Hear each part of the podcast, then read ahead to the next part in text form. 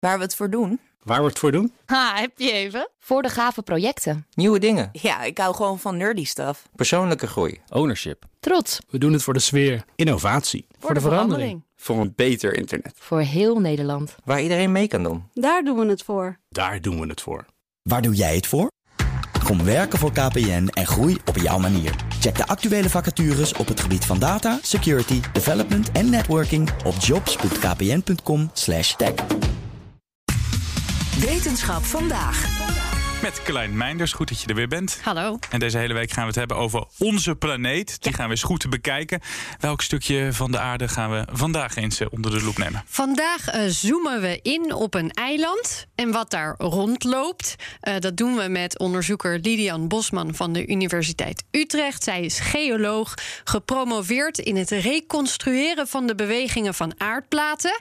Maar op een gegeven moment kwam ze in aanraking met biodiversiteit. Iets wat eigenlijk toch wel vooral door biologen wordt bestudeerd. En die kijken naar biodiversiteit van vandaag de dag en hoe dat verschilt op aarde. Dus er zijn allerlei gradiënten van de evenaar naar de polen heb je sterke afname. Uh, dus in tropische temperaturen heb je hogere biodiversiteit. En er is andere biodiversiteit op eilanden vergeleken met grote continenten. Dus er zijn allerlei van dat soort patronen die je kan verklaren met de huidige klimaat en ligging, geografie van bepaalde plekken op aarde. Maar in die patronen zijn er eigenlijk nog best wel heel veel plekken waar de biodiversiteit afwijkt, waar die vreemd is. Waar je niet kan verklaren met nou, temperatuur of gebergte of eilanden of dingen die je vandaag de dag op de, op de kaart, zeg maar in de atlas kan zien. Je voelt hem al een beetje aankomen. Er was iemand nodig die dat soort afwijkingen op een andere manier kon verklaren. Iemand die nou misschien wat verder terug in de tijd kon kijken. Iemand zoals een geoloog. Ja, precies. En beter nog, een geoloog met kennis van biologie, want die heeft ze ook als een soort schakel eigenlijk tussen die twee vakgebieden. En wat is ze precies dan uh, gaan bekijken? Ze kijkt specifiek naar het eiland Nieuw-Caledonië. Dat is een eiland in de Stille Oceaan. Ten oosten van Australië, tussen Fiji, Tonga. En dat is dus een eiland met hele vreemde biodiversiteit. Er zitten echt allerlei gekke, gekke dingen. Het is allereerst heel erg biodivers. Dus het, is, het wordt een biodiversiteitshotspot genoemd. Dus heel veel soorten per vierkante meter. Het ligt in de tropen, maar een beetje op het randje van de tropen. Dus het is veel rijker dan je zou verwachten. En daarnaast um, zijn nog twee andere dingen. Het is, er zijn ongelooflijk veel endemische soorten. Um, een soort is endemisch als die uniek is voor die regio of voor dat stukje aarde. En Um, de percentages endemische soorten op Nieuw-Caledonië zijn echt absurd. Voor um, angiospermen, dat zijn alle bloeiende planten, is het 80%. Dus als je op dat eiland rondloopt, dan heb je gewoon dat vier van de vijf bloeiende planten kom je nergens anders op aarde tegen. En dat, ja, die percentages zijn echt wel uh, heel uitzonderlijk. Het derde is dat er ook heel veel soorten zijn die heel oud zijn. Dat wil zeggen, soorten die nog stammen uit de tijd waarin alle continenten nog samen lagen in één supercontinent dat Pangea heette. En die soorten zijn dus op dit ene eiland blijven bestaan, terwijl je ze er niet meer vindt uh, in landen en op eilanden in de omgeving.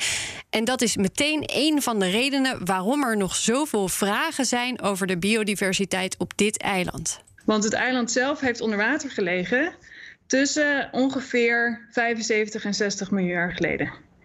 Dus die soorten zijn van daarvoor, van uit het krijt, 100 miljoen jaar oud. Um, ze hebben overleefd. Ze, zijn, ja, ze bestaan nog op dit eiland, maar dat eiland bestond even niet in de tijd. Huh, hoe kan dat dan?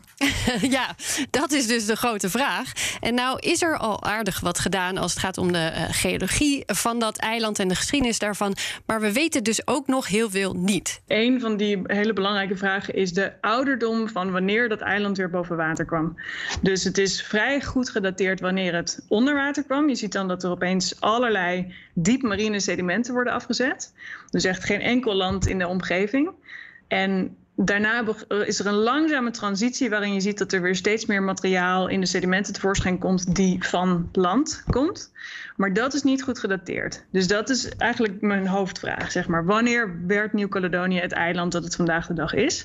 Nou is ze net terug van een bezoekje aan dat eiland. Daar heeft ze monsters genomen die nu zo'n beetje in het lab worden bekeken. En die stenen willen we dus heel precies dateren. En dat doen we met verschillende methoden. We gebruiken fossielen, We gebruiken ook een techniek dat heet magnetostratigrafie, waar we gebruik maken van het aardmagneetveld. Want we weten de ouderdommen van de omkeringen van het aardmagneetveld in de tijd. Uh, dus met een combinatie van technieken gaan we proberen om die stenen heel precies te, te dateren. En dan weten we dus wanneer het eiland een eiland werd. Oké, en dan, dan weet je alles. En, en dan? Ja, je kan je afvragen wat zegt dat dan over de biodiversiteit. Ja. Uh, het zegt in ieder geval iets over vanaf wanneer kon er überhaupt weer iets groeien. Uh, maar wat ze ook gaan bestuderen zijn die diepmarine sedimenten en daarin gaan ze op zoek naar pollen. En als je pollen vindt in diepmarine sedimenten, dan geeft dat aan dat je ergens in de buurt land gehad moet hebben. En hoe meer, hoe dichterbij het land, uh, dat, dat geeft informatie over was er land in de buurt en hoe ver. En dus wat we daarmee misschien kunnen zeggen is dat, hoewel het in deze regio diep marien leek en het aan de sedimenten zelf misschien wel lijkt alsof er geen land in de buurt was, op het moment dat we die pollen vinden, dan kunnen we zeggen, ah, misschien was er dus toch ergens, enigszins in de buurt, was er, waren er eilanden. En dan heb je een argument om, om te zeggen, dan kunnen die, die planten overleefd hebben. Waarvan ook wordt gedacht, overigens, uh, dat het een rol speelt bij het behouden van al die soorten, is het gunstige klimaat van het eiland. Want het lijkt erop dat doordat het eiland zich heeft verplaatst in een bepaalde periode, het er redelijk warm bleef, terwijl het eigenlijk in de rest van de wereld op dat moment kouder aan het worden was.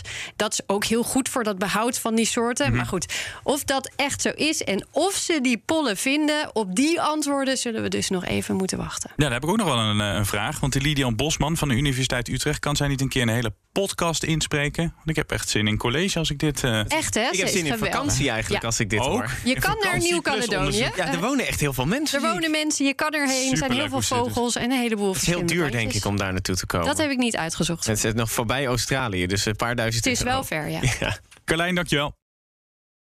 Ook Thomas van Zeil vind je in de BNR-app. Je kunt live naar mij luisteren in Zaken doen. De BNR-app met breaking news. Het laatste zakelijke nieuws. En je vindt er alle BNR-podcasts. Bijvoorbeeld Het Nieuwe Geld. Download nu de gratis BNR-app en blijf scherp.